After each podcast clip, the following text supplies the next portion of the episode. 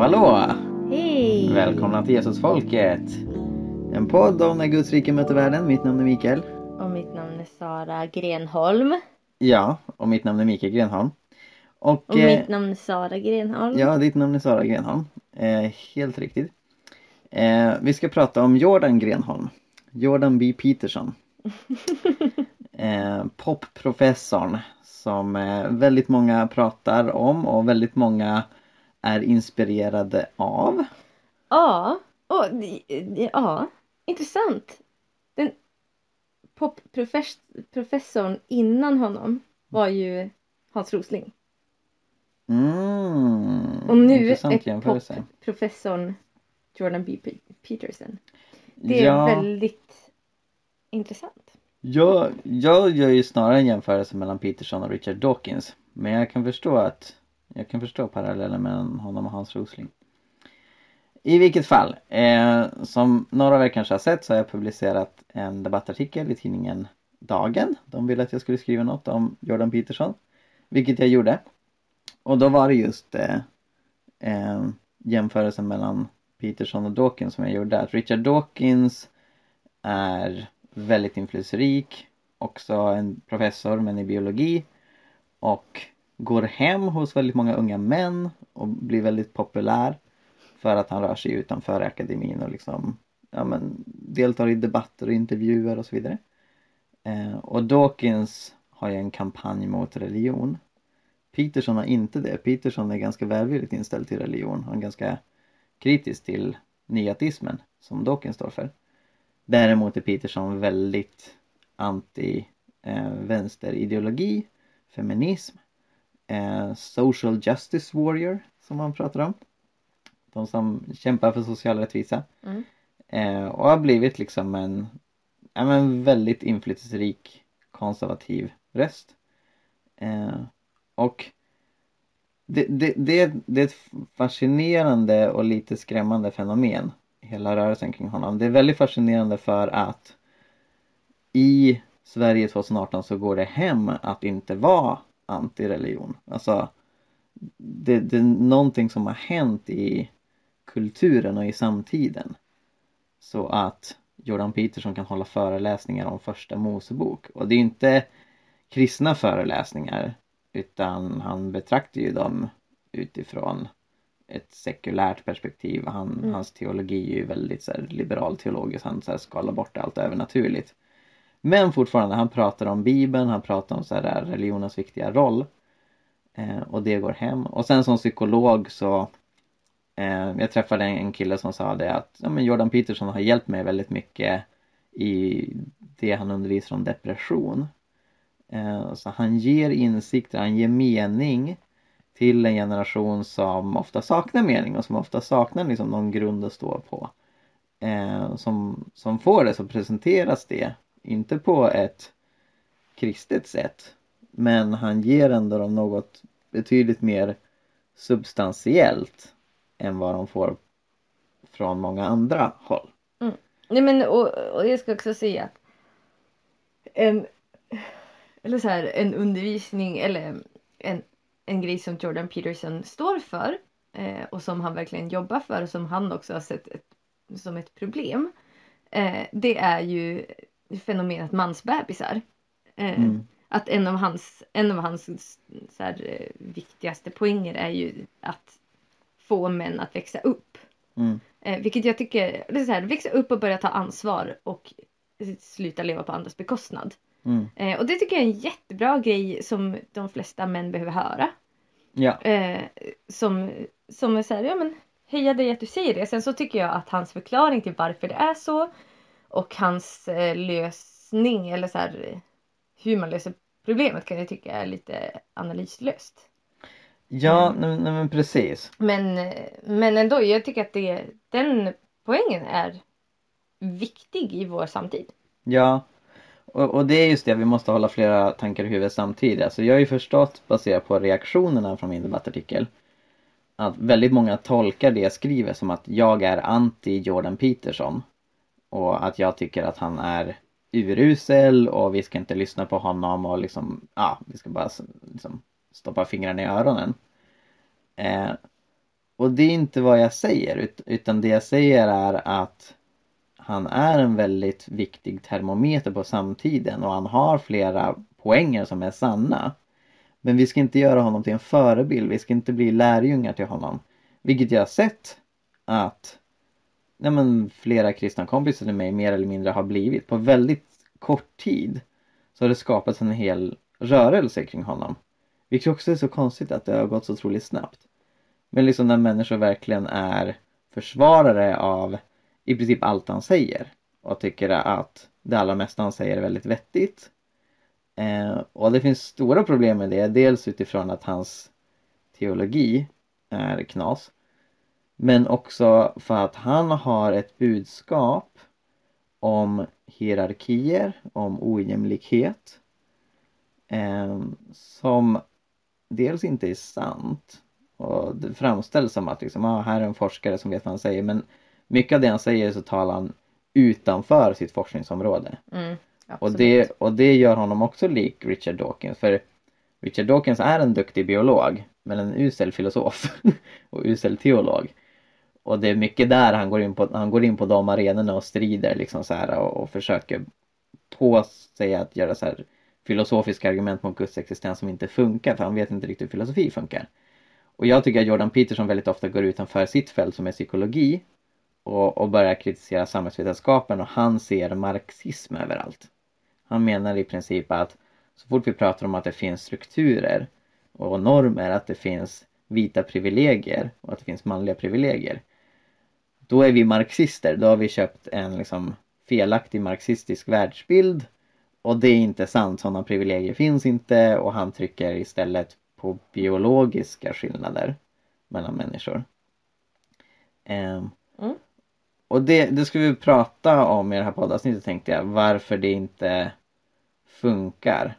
Alltså ibland har han vissa poänger i och med att man inte kan förneka biologins roll till 100% men hans öv, han överdimensionerar det på ett ja, men osant och farligt sätt. Som mm. vi verkligen behöver vara försiktiga och det, det jag tycker är ett problem, alltså många bara sväljer det han säger därför att han är professor, han vet vad han pratar om. Eh, alla som inte håller med, de är liksom PK-marxistiska feminazister ungefär. Mm. Och så är det inte. Och det var det jag försökte säga i min debattartikel men som sagt eh, den, jag, jag, jag, tror att jag eh, på, på sätt och vis föresatte en liten annan publik. Till exempel så tänkte jag att det Peterson säger om vita privilegier, att de inte finns, det är rappakalja. Och jag tänkte om jag bara sammanfattar det han säger så kommer folk fatta att det här är bullshit.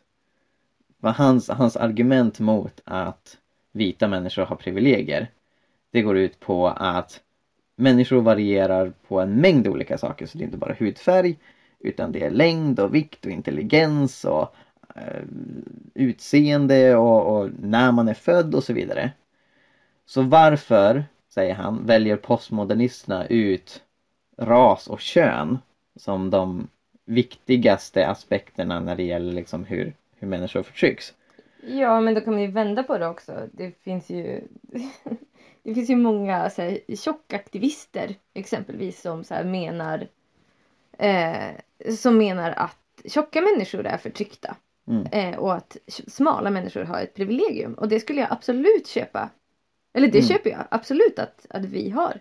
Eh, och ja, men så här, att, att, eh, jag kan ju tänka mig att korta människor är förtryckta också. Mm. Alltså så här att, att ja, människor varierar på väldigt många olika sätt. Och snarare beroende på normer i samhället så skulle jag säga att, att eh, beroende på hur man ser ut som människa så får man olika privilegier. Mm. Eh, Nej, han, och att det snarare sträcker sig vidare än bara så här, hudfärg och kön. Mm. Eh, utan att det är ännu större än så. Eh, och det är inte marxism utan det är ju så världen fungerar. Det finns ju mycket statistik på det. Ja men exakt. Nej, men han bara konstaterar, ja nej, men vi varierar på oändligt många sätt. Vad är anledningen till att man talar om just vita privilegier? Jo, det är på grund av er hm, hm, marxism. och det är, hans, det är hans enda argument. Liksom så här, om du tror att vita är privilegierade, då är du marxist och det ska man inte vara. Så därför så finns inte det här. Och, och, och, och som sagt, jag tänkte att men det här säger han i en video som har visats en miljon gånger på Youtube. Och jag har lagt upp den och kommenterat den också på hela pingsten. Eh, det jag tänkte var att jag behöver bara sammanfatta det han säger och folk kommer inse det här är knäppt. när han säger det här, visst han, han, han säger andra saker också som är sanna som vi varit inne på. Men när han säger det här så, så, så är han helt ute och cyklar. Och han uttalar sig sånt som han inte begriper och, och det är bara fel. Men det räckte inte. Utan många av de reaktioner jag har fått och just det, det ska jag säga också. Jag slängde också in på grund av eh, teckenbrist. Eh, jag hade bara ett visst antal tecken att, att eh, skriva på. Att, ja men besök Sydafrika. För han säger också att eh, om eh, mörkhyade upplever sig förtryckta så handlar det inte om att vita privilegier, privilegier utan att majoriteten har privilegier. Eh, och då slängde jag bara in, ja men besök Sydafrika då. och då är det förvånansvärt många som, som har försvarat den här idén att vita privilegier inte finns. Som menar att Sydafrika är ett exempel på där vita är förtryckta och där svarta är de som förtrycker. Men då skulle jag säga att då vet man inte vad förtryck är. Om man kan påstå att, att vita är förtryckta. Eh, då har man en väldigt märklig definition av, av vad förtryck är. Ja, vita är 10 procent av Sydafrikas befolkning och äger 80 procent av rikedomen. Eh, arbetslösheten är 8 procent bland vita och 39 procent bland svarta. Så, så det är liksom, och jag har ju varit där. Och visst, ANC-regeringen eh, har gjort vissa, vissa åtgärder som inte går att försvara som bland annat går ut på att ja, men beslagta vitas mark i någon slags kampanj för jämlikhet och jag är för jämlikhet men jag tycker inte att man ska bete sig på det sättet. Men det räcker inte för att etablera att här är ett land där vita inte har några privilegier utan ja. är utsatta utan det, ja, men det, det, det blir bara det blir bara så obalanserat och så extremt att säga att det inte skulle finnas vita privilegier. Och jag utgick från att folk skulle acceptera det. Och jag tycker också att det är intressant, alltså för att jag tror att vi, vi är få, eller det finns få i Sverige idag som skulle mena att eh, så här, att adeln, när, de, när, när staten blev mer demokratisk eh, och mer jämlik eh, och man började ta ifrån adeln en del av deras makt eh, började så här, hmm, det kanske inte är rimligt att ni ska ha eh, herravälde över så här stora områden, ni kanske ska dela med lite.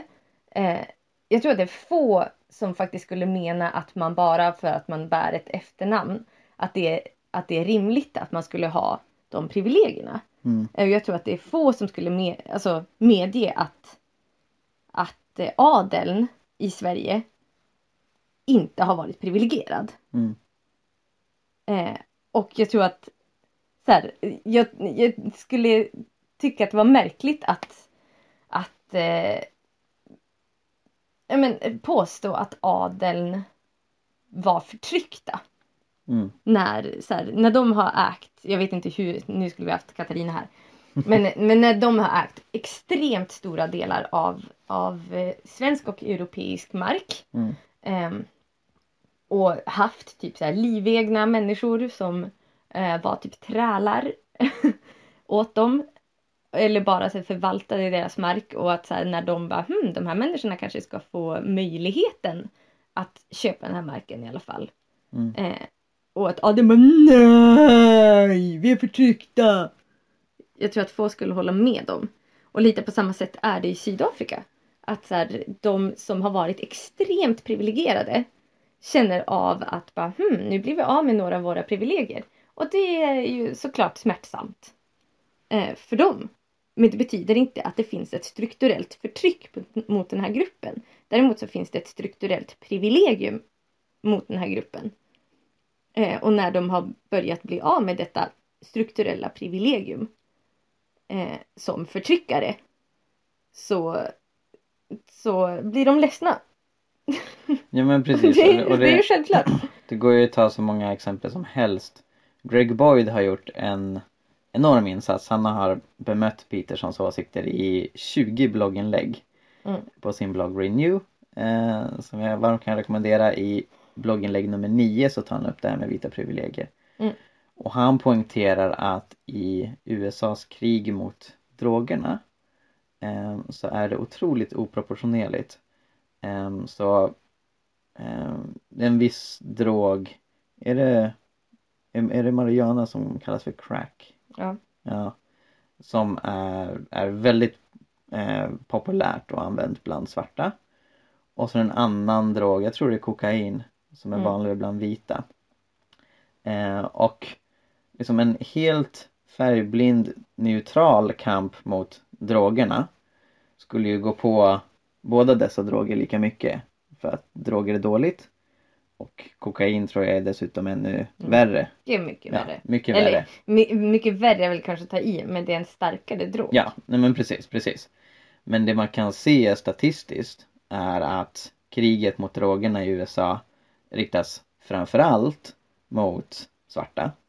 Eh, och också att svarta generellt eh, som har använt de här drogerna får mycket, mycket högre fängelsestraff än vita som har använt sina droger. Mm. Eh, Ja, men- Och, och, och det, det är ett exempel på när man liksom så här säger vita privilegier finns inte. Och Jordan Peterson skulle, kanske skulle säga nej men det är inte för att de är vita, det är för att de är majoritet. Eh, och han säger till och med att det är rasism att prata om att vita har privilegier. och och det, det blir bara så otroligt upp och nervänt. Därför att det är rasismen som skapade förtrycket av de som är annorlunda. Och att säga att, att det här inte finns idag, det är att säga att rasismen är ett avslutat kapitel. Det är i princip att säga att, att rasism inte längre finns. Eh, och Mm. om man bankar in det i huvudet på människor då kommer de inte kunna kämpa mot rasism lika väl för de tror inte att det finns. Så jag jämför Peterson med, med en, en naturalist som bestämmer sig för att alla former av privilegier och strukturer är marxistiska fantasifoster. De finns inte. De hjälper oss inte förstå verkligheten.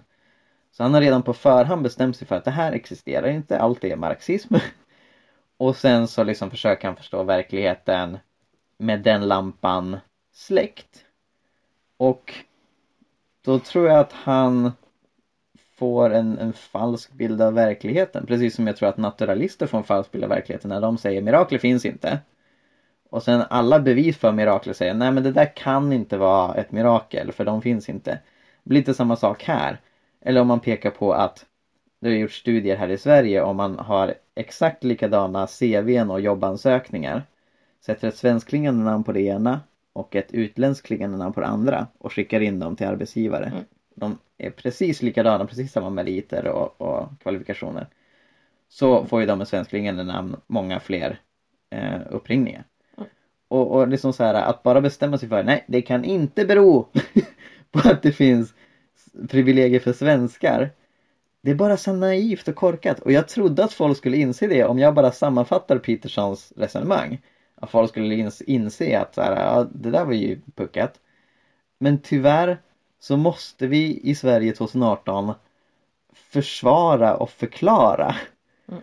för människor att de här strukturerna finns. Därför det är ingen självklarhet för sådana som Peterson kommer ner och nedmonterar den idén och säger att det är marxism, det ska man inte tro på. Men jag, jag tycker också att det är intressant att han som psykologiprofessor kan vara så säker på eh, att typ, nej men det finns inga strukturer i samhället. För jag tror att de flesta sociologer garanterat skulle eh, säga att självklart finns det strukturer. Ja men verkligen, Eh, verkligen.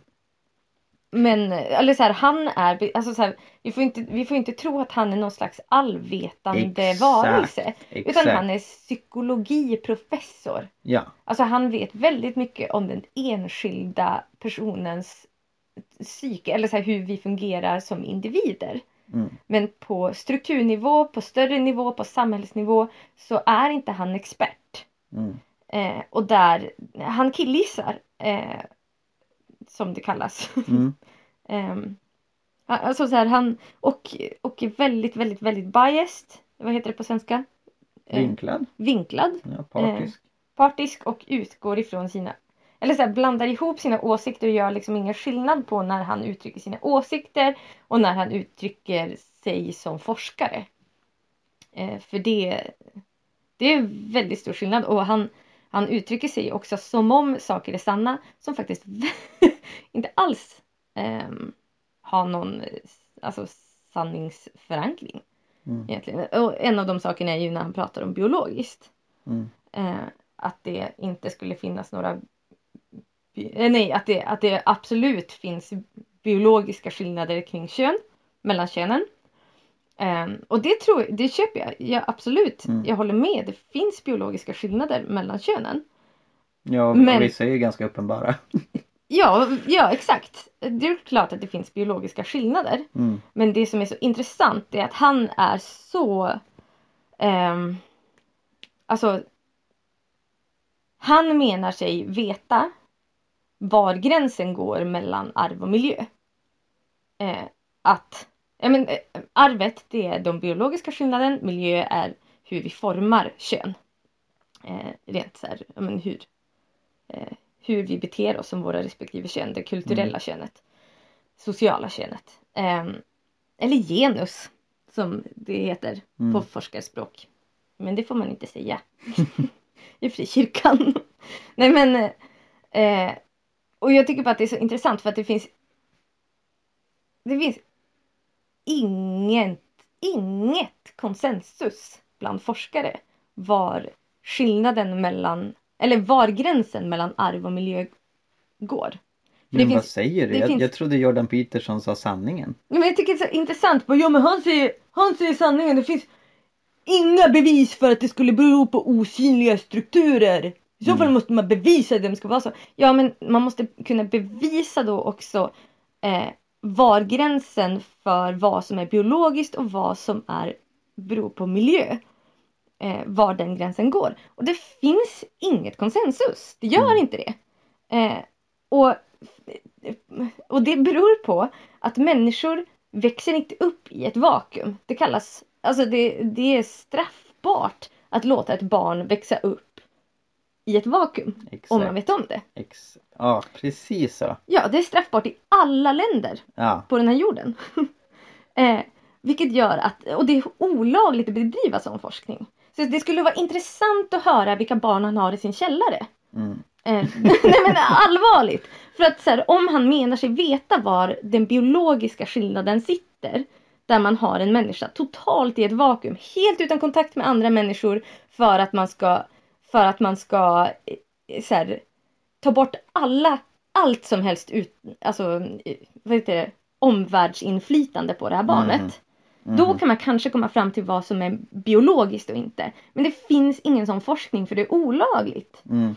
Eh, och därför så kan ingen forskare säga med exakthet var skillnaden mellan den, det biologiska könet och det socialt konstruerade könet ligger. Mm. Eh, och det är så intressant att han påstår sig veta det. För Mm. det går inte. Mm. Nej, men precis. Eller, eller så här, det kanske går. Men det vore fruktansvärt oetiskt. Ja men precis, nazisterna hade kanske Ja, kunnat ta reda nazisterna på hade det. kanske kunnat ta reda på Nej, men för, för jag, jag pratade med en person som, som gillar Jordan Peterson. Ehm, och just trycker på liksom, ja nej, men i Sverige får man ju höra att, att biologin inte spelar någon roll alls. Och han säger att, att det spelar roll. Och jag kan köpa liksom att folk gillar att han säger det. För jag tror också, ja, nej men att, att, att säga att, att biologin inte spelar någon roll överhuvudtaget. Det är ju lika extremt som att säga att ehm, det sociala och kulturella inte spelar någon roll överhuvudtaget. Men problemet är att Peterson verkligen lutar åt det hållet. Va? När han pratar om att privilegier inte finns. Mm. När han lyfter fram att ehm, ja, men orsaken till att så få kvinnor väljer att bli ingenjörer i Sverige, det beror på biologi. Och den här personen som jag pratade med, han lyfte fram eh, sina barn. Eh, och sen hade, och, och också så här, barn till vänner till honom som liksom eh, inte försöker liksom ge något könsstereotyp till sina barn eller liksom fostra något könsstereotyp men de ser liksom hur pojkarna börjar leka med bilar eller pistoler hur kvinnorna eller tjejerna börjar ha på sig rosa klänningar Mm. och han menar ja men det här är ju tydligt att det finns biologi och jag sa, men vänta, vänta, sakta i backarna, skulle det ligga i människans biologi att pojkar gillar bilar? Mm. Bilar har ju bara funnits i hundra år. Mm. Hur, hur, funkar den biologin? Och han använder resonemang, nej men bilar låter och brummar. Men sen tänkte jag också på det här, nej men som, som du säger, de här barnen växer inte upp i en källare. Så även om föräldrarna inte säger du ska tycka om bilar, vilka program ser de på TV? Mm. Vad, vad leker deras kompisar med? Och så här, vad ser de andra pojkarna, alltså så här, vad ser en pojke andra pojkar på TV tycka om? Exakt, vad, vad får de i julklapp? Alltså så här, Vad berättar pappa respektive mamma om vad de tyckte om när de var i deras ålder? Exakt, exakt. Så liksom så här eh, Även om, om de säkert tänker nej men vi, vi pushar dem inte i någon riktning så är det väldigt mycket också som sker omedvetet. Och det är just bara om vi uppfostrar barn i, i ett sterilt rum som man kan ta reda på det men det kan vi inte göra, det vill vi inte göra. Det är oetiskt och olagligt. Exakt. Så då, då förblir detta, alltså så här, men som du säger, den exakta gränsen är ett mysterium. Att säga att jag vet precis var den ligger, det kan inte vara sant. Det kan du inte ta reda på. Nej men jag hoppas att han inte vet. ja men exakt, exakt. Eh, och det finns en jätte, en, en bra kvinna på Instagram som heter Nina Akestam, eller Nina Åkestam eh, som hon heter egentligen. Eh, hon skriver så här. Eh, Jordan Peterson sa, jag är verkligen för jämställdhet. Men vi kan ju inte låtsas som att det inte finns biologiska skillnader mellan kvinnor och män. Jag håller med honom om det här. eh, men hon lyfter fram ett problem. Hon skriver så här. Jag tänkte, mm, biologi. Denna vetenskap som kan användas för att motivera allt från folkmord till löneskillnader. Jag vet att det finns biologiska skillnader mellan kvinnor och män. Det kan vi i många fall se med blotta ögat.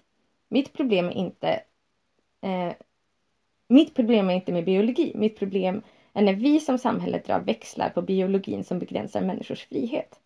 Vår tolkning av biologin är nämligen alltid en konsekvens av vårt samhälle. Ett exempel. Många kvinnor bär och föder barn. Men det är inte biologin utan samhället som gör detta till ett problem som kvinnor straffas för ekonomiskt hela livet. Och sen så har hon en, en utläggning om det. Som jag inte ska läsa. Eh, men sen skriver hon så här. Historien har visat hur fruktansvärt resultatet kan bli när vi börjar använda biologiska resonemang för huma framför humanistiska. Då kan det bli naturligt att afrikanska människor ska vara slavar åt vita människor.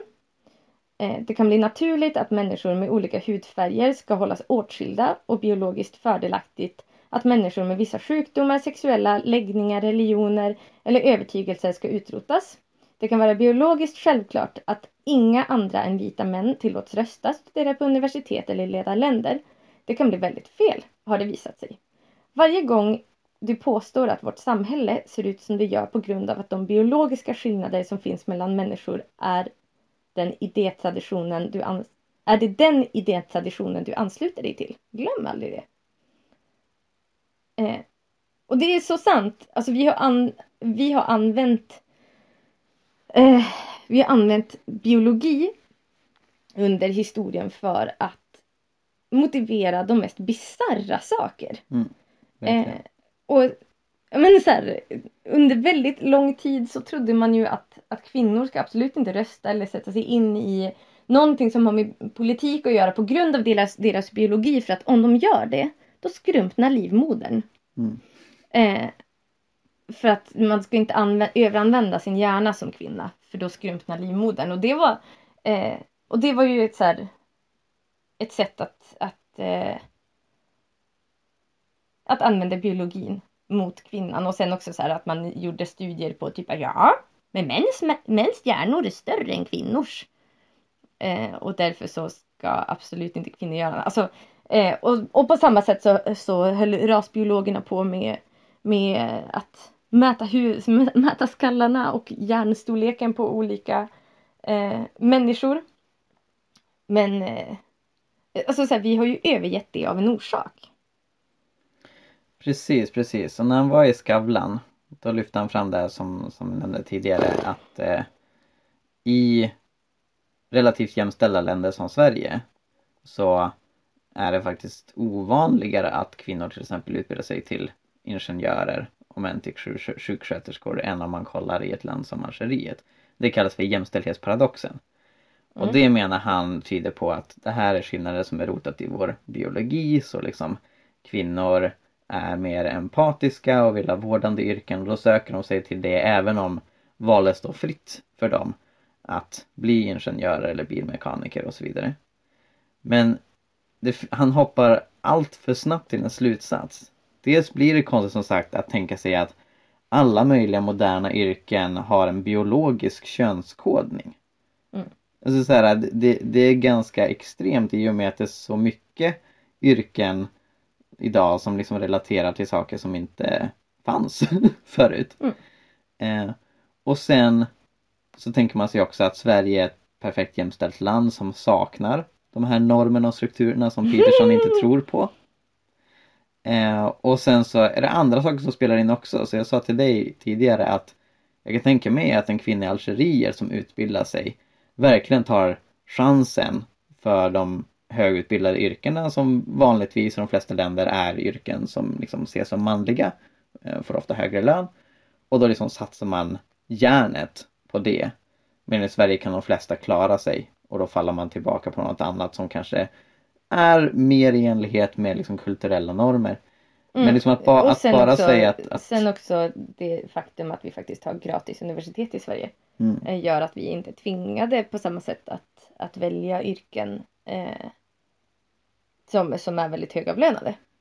För att det ska löna sig med universitet. Ja, precis, precis. För sen också alltså på båda utbildningar jag har gått, freds och utvecklingsstudier och teologi, har de flesta varit kvinnor.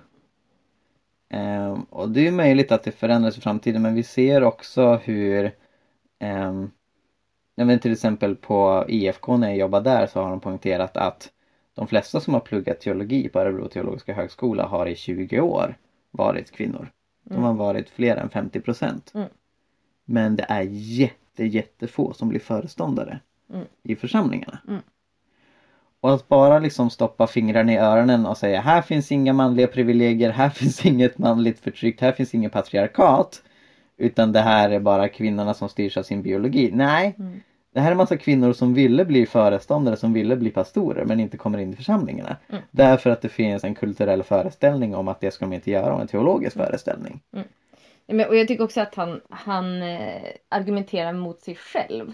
Eller så här, eller åh, han är så analyslös. Tycker jag. När det kommer till hans, hans syn på könsroller. Han säger att, att kvinnor generellt är mer agreeable. Eh, alltså, att fråga vad det heter på svenska. Men nu fortsätter jag använda ordet agreeable och fortsätter, eller och förutsätter att ni fattar vad jag menar. Fattar vad det Ja. betyder. Annars får ni slå upp det. Googla. Inställningssam, att man håller med. Inställningssam. Mm. Nej. Agreeable. Inställningssam är så negativt. Men inst- ja. Kvinnor är mer agreeable än män. Biologiskt. Av, av liksom av naturen så är det så att kvinnor är mer trevliga. Helt enkelt. Mm. Eh, och att det skulle vara anledningen till att, till att kvinnor är sämre på att löneförhandla för att vi är mer trevliga. Eh, och mer mån om att ha liksom, en trevlig stämning och så. Eh, och så, så, här, så berättar han typ ah, men, så här, ja, men det, jag har pratat med massor av kvinnor som har kommit till mig och så här, jag har fått hjälpa dem att, att bli lite mindre trevliga. Eh, för att, för att eh, det kommer gagna dem i, i arbetslivet. Eh, så här, för, inför att löneförhandla, liksom, så här, att lära sig vara otrevlig. Eh, för han menar ju så här, typ, att, att män är otrevliga och kvinnor är trevliga. Eh, och, eh, och jag tycker bara att det är så intressant att han menar att kvinnor av naturen är agreeable, män av naturen är inte lika agreeable. Eh, men för att, för att kvinnor ska kunna löneförhandla så behöver de bli mer som män. Bli alltså less agreeable. Mm. Men det finns absolut inga manliga privilegier. Det finns absolut inga strukturer som gagnar män i det här. För jag menar, så här, rent objektivt så måste vi säga att en trevlig människa är lättare att ha att göra med och är trevligare helt enkelt. Att ha runt sig än en otrevlig människa. Mm. Och då måste vi fråga sig varför har vi en arbetsmarknad som, som, som premierar otrevlighet? Mm. Helt enkelt. Eh, och det är så intressant. Och varför har vi löneförhandlings... Eh, eh, varför är löne, löneförhandlingarna upplagda så att det premierar otrevlighet? Det borde vara tvärtom rent... Alltså rent eh, logiskt. Mm. Egentligen. Men vi har en, en arbetsmarknad som är uppbyggd av män för män. Eh, och det, eh, in, alltså indirekt så erkänner ju han det. Men menar att bara, ja men det är på grund av naturen och bla, bla, bla. Så, Bra härmning. ja nej, men tack, han pratar ju lite så. Eh, ja men eh, och att, och att så här. Nej men jag tycker bara att han, han är så eh, liberal och kapitalistisk. Eh, på det sättet att han absolut inte vill se några strukturer för att det finns inga strukturer.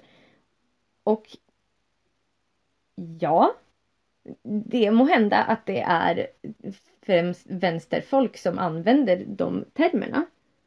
Men jag skulle ju ändå säga att man får en ganska snäv och ganska eh, en världsbild som är ganska långt ifrån verkligheten om man inte kan förklara någonting med strukturer.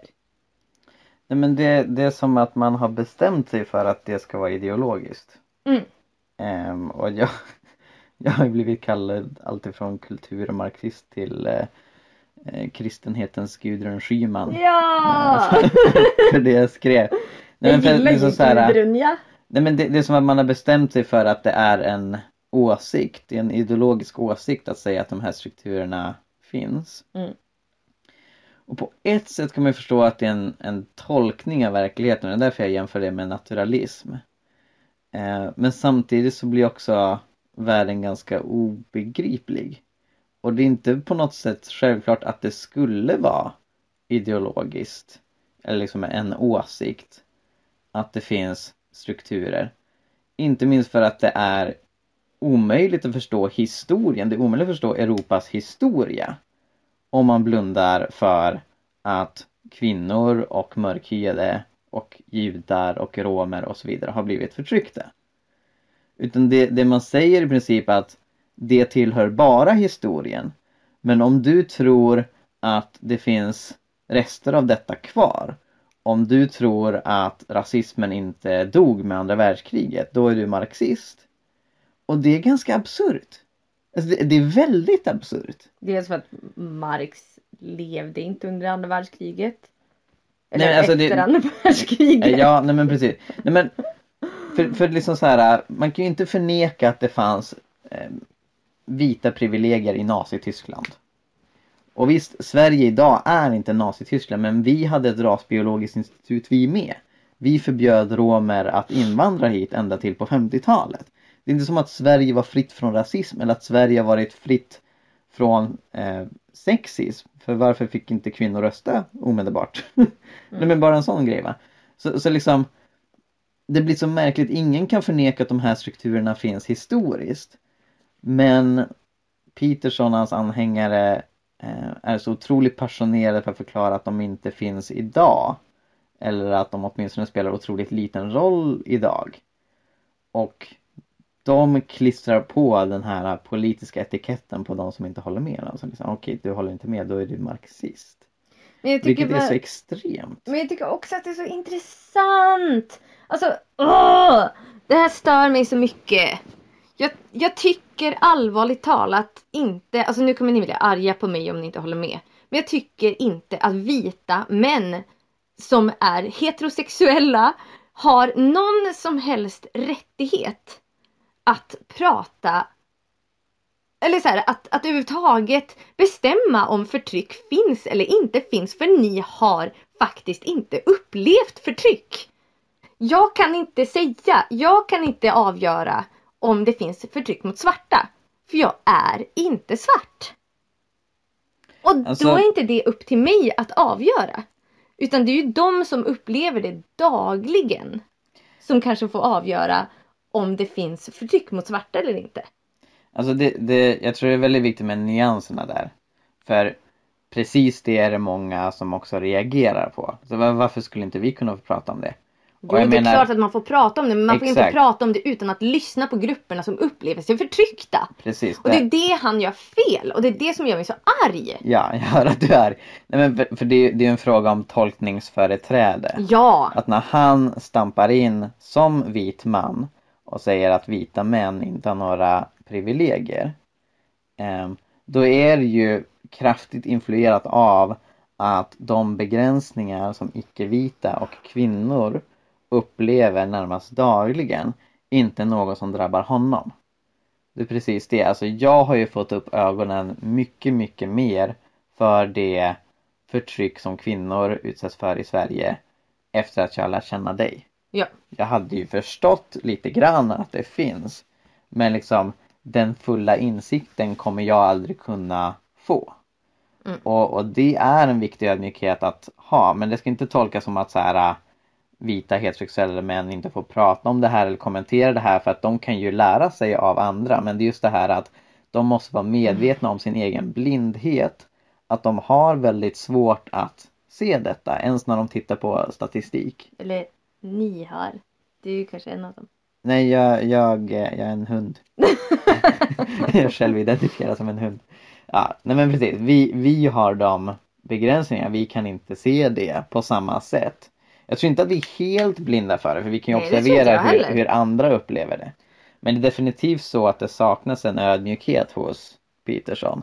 När han som vit man står i en sal och pratar framförallt en vit publik och säger Vi har inga privilegier.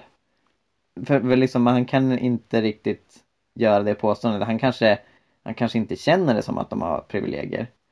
Men det blir ett väldigt plumpt och osant påstående. Ja, men, och återigen analyslöst. Mm. Jag, jag tycker att han kan ställa sig själv frågan varför i hela friden har han fått den plattform han har? Hade en kvinna sagt samma sak och betett sig på samma sätt hade hon inte hamnat där. Alltså såhär, mm, nej men så här, att, att en kvinna som sitter och, och gissar ur röven. Förlåt, nu, nu är jag hård och krass här. nej men allvarligt, för han, alltså han har, han, han ljuger. Rätt upp och ner. Nej, Faktiskt. Det, alltså det, när det, det kommer till biologi så ljuger på. han. Och säger typ oh men all scientists say that blah blah blah. But, nej. Det, det, finns absolut inget konsensus kring biologi. Överhuvudtaget. Och det, jag tycker att det är så intressant att han eh, nej men så här, att han kan sitta där bara och ljuga rätt ut. Precis som Trump, precis som Putin eh, kan sitta och säga verkligen rätt ut lögner. Men hade en kvinna gjort samma sak så, så här, hon skulle bli så faktacheckad, hon skulle bli så mm. sjukt nedtrampad, tystad, utskämd, offentligt förnedrad och sen skulle hon vara så trasig att hon gömde sig. Det tror jag skulle ha hänt en kvinna mm. om hon satt hos, hos... Nej, hon skulle aldrig hamnat hos Skavlan för det första. Nu menar inte jag att kvinnor inte kan hamna hos Skavlan, för det gör de ju hela tiden. Men, men en kvinna som... Som för den kampanjen. Som, för den kampanjen som Jordan Peterson gör. Eh, alltså så här, de får inte den plattformen. Och det, så här, han, det är ju bara, det är ett manligt privilegium att han kan sitta där och göra det här. Och att folk faktiskt lyssnar på honom överhuvudtaget. För att det hade aldrig hänt en kvinna som betedde sig på samma sätt och sa samma saker. Nej men exakt och det oh! ju, syntes ju också under eh, presidentvalet mellan Trump och Clinton. Att man pratar om de två på helt olika sätt. Man, pratar, man sa Hillary med hennes förnamn och Trump använde sig av tillmälen och det är liksom så här. Ja men det var så tydligt att hon som kompetent och kunnig och jag ställer mig inte bakom alla hennes åsikter men hon hade ändå erfarenhet. Att liksom hon behandlades trots det på, på så väldigt förnedrande sätt medan Trump som inte har några meriter eller kunskap alls liksom lyckades och det, det pekar ju på den här extrema obalansen att det är otroligt svårt om ens omöjligt att tänka sig att, att rollerna var omvända. Ja. Att det är som en kompetent, duktig, skarp man som vet vad han pratar om. Och så kommer en kvinna som liksom såhär All Mexicans are rapists. Och, och vinner. Och ställer, eller så här, och det är massa så här, skandaler runt Ja, men precis, sexualitet. Hon vill ta och... män på penisarna och, liksom så här, och så skulle hon vinna. Vi har aldrig observerat det i modern tid. Och, och det handlar ju om precis det här. Att, men- att det finns ojämlika strukturer. Ja, nej, men, och bara typ det faktum att vi aldrig haft en kvinnlig statsminister. Någonsin i Sverige. Mm. Eh, och bara så här, typ, är det en slump? Det är biologi. Ja, men, och jag tycker bara att det är så intressant. Att säga typ nej men kvinnor är för trevliga. Ja men varför har vi en politik som premierar otrevlighet? Ska vi inte ha så här, vettiga människor som sitter och bestämmer? I så fall är det väl kanske något fel på demokratin. Alltså jag tycker bara att det är så, åh, han provocerar mig. Jag Ja, hoppas att ni hör Eh, det. det, det, Och- det hörs. Nej men och att, åh. Nej men och verkligen, för du blir ju mer attackerad av det han säger. Jag, jag befinner mig i, i samma privilegiebåt som Peterson. Ja. Jag stör mig på hans resonemang, jag stör mig på att han ljuger och att han uttalar sig om saker han inte vet något om. Eh, jag stör mig på hans extrema liberalteologi som vi inte ens kommit in på. Ehm, men jag blir inte attackerad av, av det han säger. Utan du och icke-vita och massa andra grupper som inte liksom tillhör hans båt. Mm. Det är de som får ta emot smällen. Mm. Och det är precis som den här Nina, Nina Åkerstam säger. Att, att så här, biologin, när man pratar biologin och att biologin ska resultera i olika typer av samhällsstrukturer och så.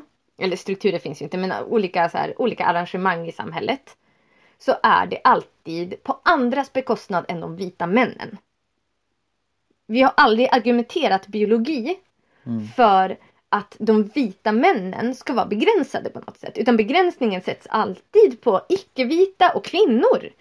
Eh, och då kan man ju fråga sig, hmm, hur bra argument är det här med biologi egentligen? För att det är ju inte så att, att eh, man använder så här, typ, ja men det här är biologiskt och bla, bla, bla. Så, utan det, an, alltså, eh, det är inte så att man använder det för att begränsa en mans rörelsefrihet i samhället, vad, Mm. vilka yrken han bör och inte bör, använda, eh, bör ha och man brukar inte använda det för att argumentera för att män ska ha lägre löner eller vara underprivilegierade på andra områden.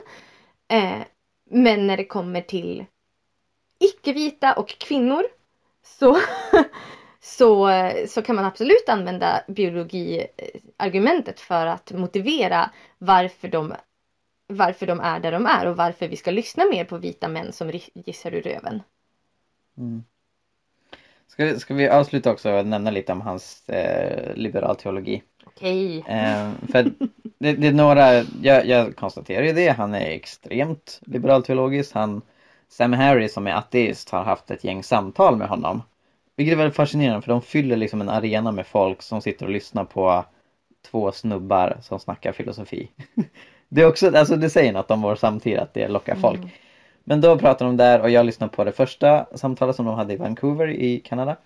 Eh, och då, då så kommer Sam Harris fram till, okej, så du säger att du tror på Gud utifrån att du med Gud menar något helt annat än vad alla andra religiösa menar.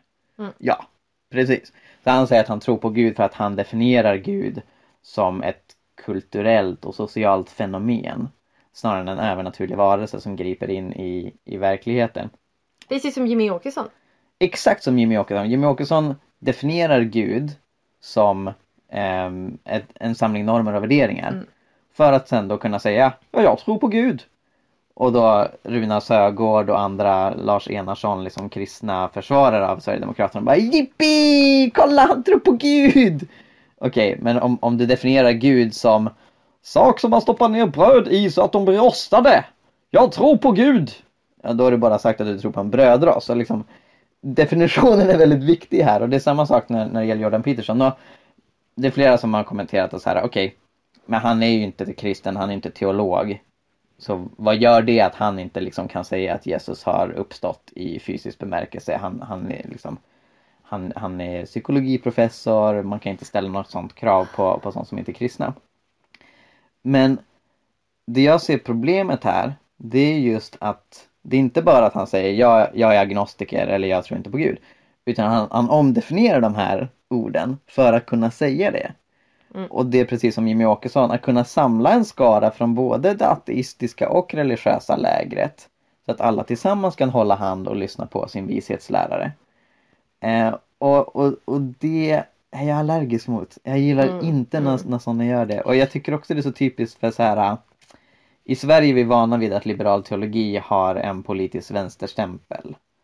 Eh, så KG Hammar till exempel är jätteliberal teologiskt och tror inte på det övernaturliga, tror inte att mirakler sker.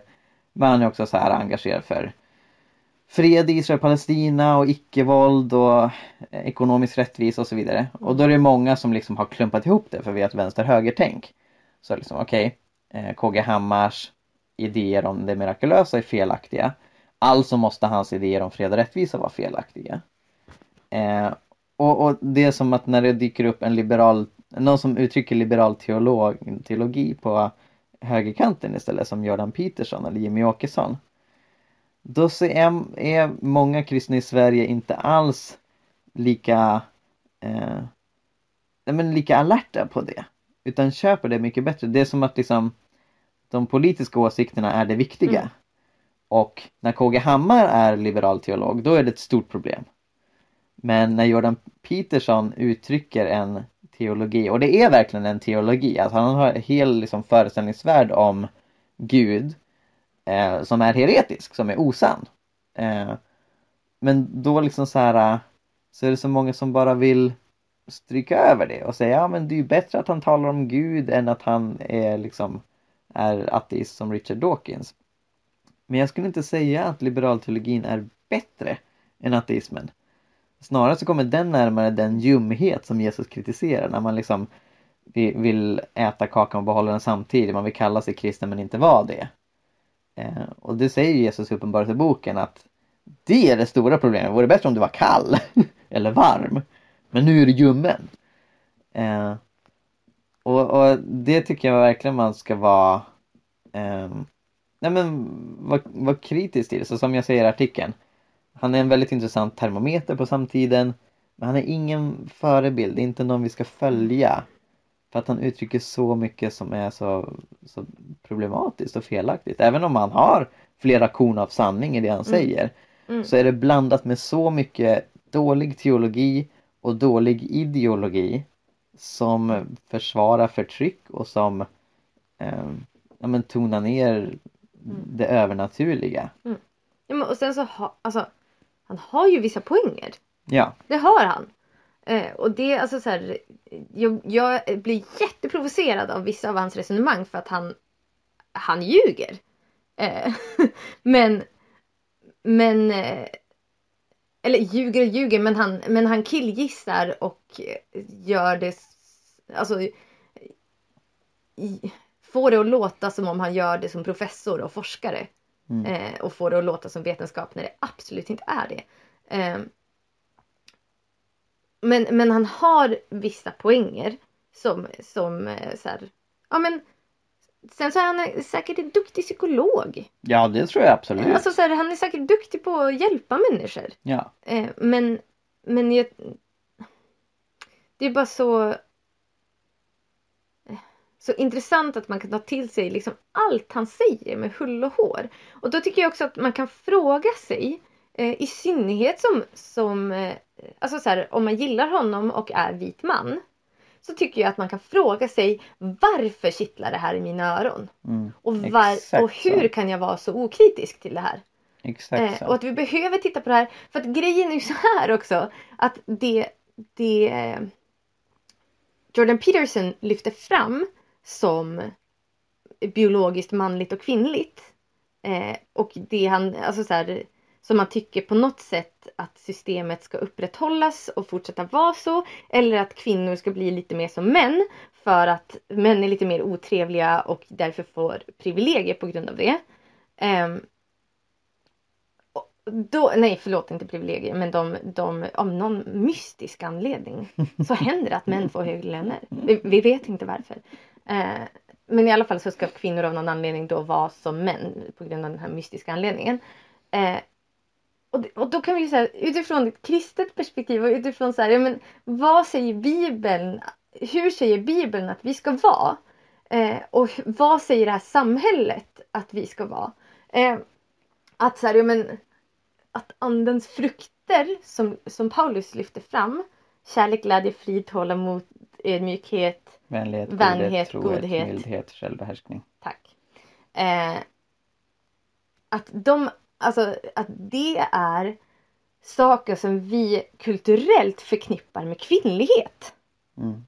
Eh, och då kan vi ju fråga oss här, ja men borde vi då inte sträva efter att bli mer då som Paulus och som Jesus lyfter fram att vi bör vara?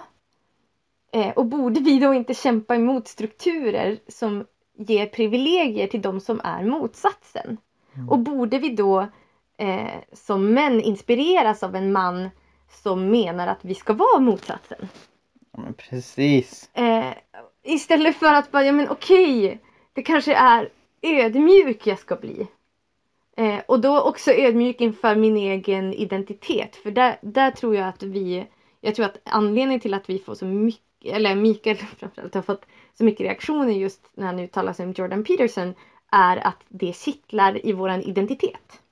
Eh, att har vi våran identitet eh, mycket i macho, att vara machoman egentligen. Eh, så kommer hans budskap att kittla den identiteten. Eh, och bygga under den identiteten. Och när den rämnar, när folk börjar ifrågasätta den. Eh, så, så kan det bli jättejobbigt. Men då tycker jag att man som kristen bör fråga sig. Hmm, har jag satt, in, har jag satt min identitet i det här? Mm. Och hur sunt är det? Mm. Eh, eller borde jag sätta det i Jesus och i, i eh, den, som, den som Gud vill för, förvandla mig till att bli? Som är någonting så fundamentalt annorlunda än det Jordan Peterson säger att man ska vara. Förutom att jag tror att Gud vill förvandla män till att sluta vara mansbebisar. Ja precis. Och där kan rätt. Jordan Peterson kanske ha eh, några verktyg. Mm. Inte vet jag. Jag har inte lyssnat så mycket på hans eh, undervisning om eh, grow up. Men det är väl en bra grej att göra. Ja men verkligen. Gött! En timme lyckades vi klocka in den här gången. Ja, men det, jag det tror tror jag behövdes. det är lite mindre för jag letade efter ord ibland. Ja just det, jag ska klippa lite också. Mm. Ja men fint. Eh, Ja, hoppas det här var, varit klargörande. Eh, Ja, nej men och, och så här. Blir du arg på oss? Fundera, varför blir du arg på oss? Ta dig en funderare. Jag skulle verkligen uppmuntra dig till det. Mm. Eh, och ni behöver inte tycka som oss. Ni behöver inte hålla med på något sätt. Eh, vi säger inte att vi har hela sanningen. Vi säger bara att Jordan P. B. Peterson har fel ibland. mm. Nej men precis, och vi välkomnar verkligen feedback. Eh, så skriv kommentarer, skicka mail med, med vad ni tycker. Eh, så kanske vi följer upp eh, framöver. Mikael kommer följa upp. Jag hatar att skriva. Ja nej, men jag tänker också framtida Ja, poddavsnitt. ja, ja. För Mm. jag tror inte samtalet kring Peterson är över. Nej. Jag tror det bara har börjat. Eh, så Vi efterlyser god ton. ja men verkligen, verkligen. Eh, god ton är viktigt. Så jesusfolket.gmail.com kan ni mejla till. Eh, vi finns på sociala medier. Eh, och eh, ja, om ni gillar podden, prenumerera på den och sprid den så vi växer och tar över världen Guds rike. Tack så mycket! Tack, tack, tack. Ha det bra! Aj. Hej hej hej!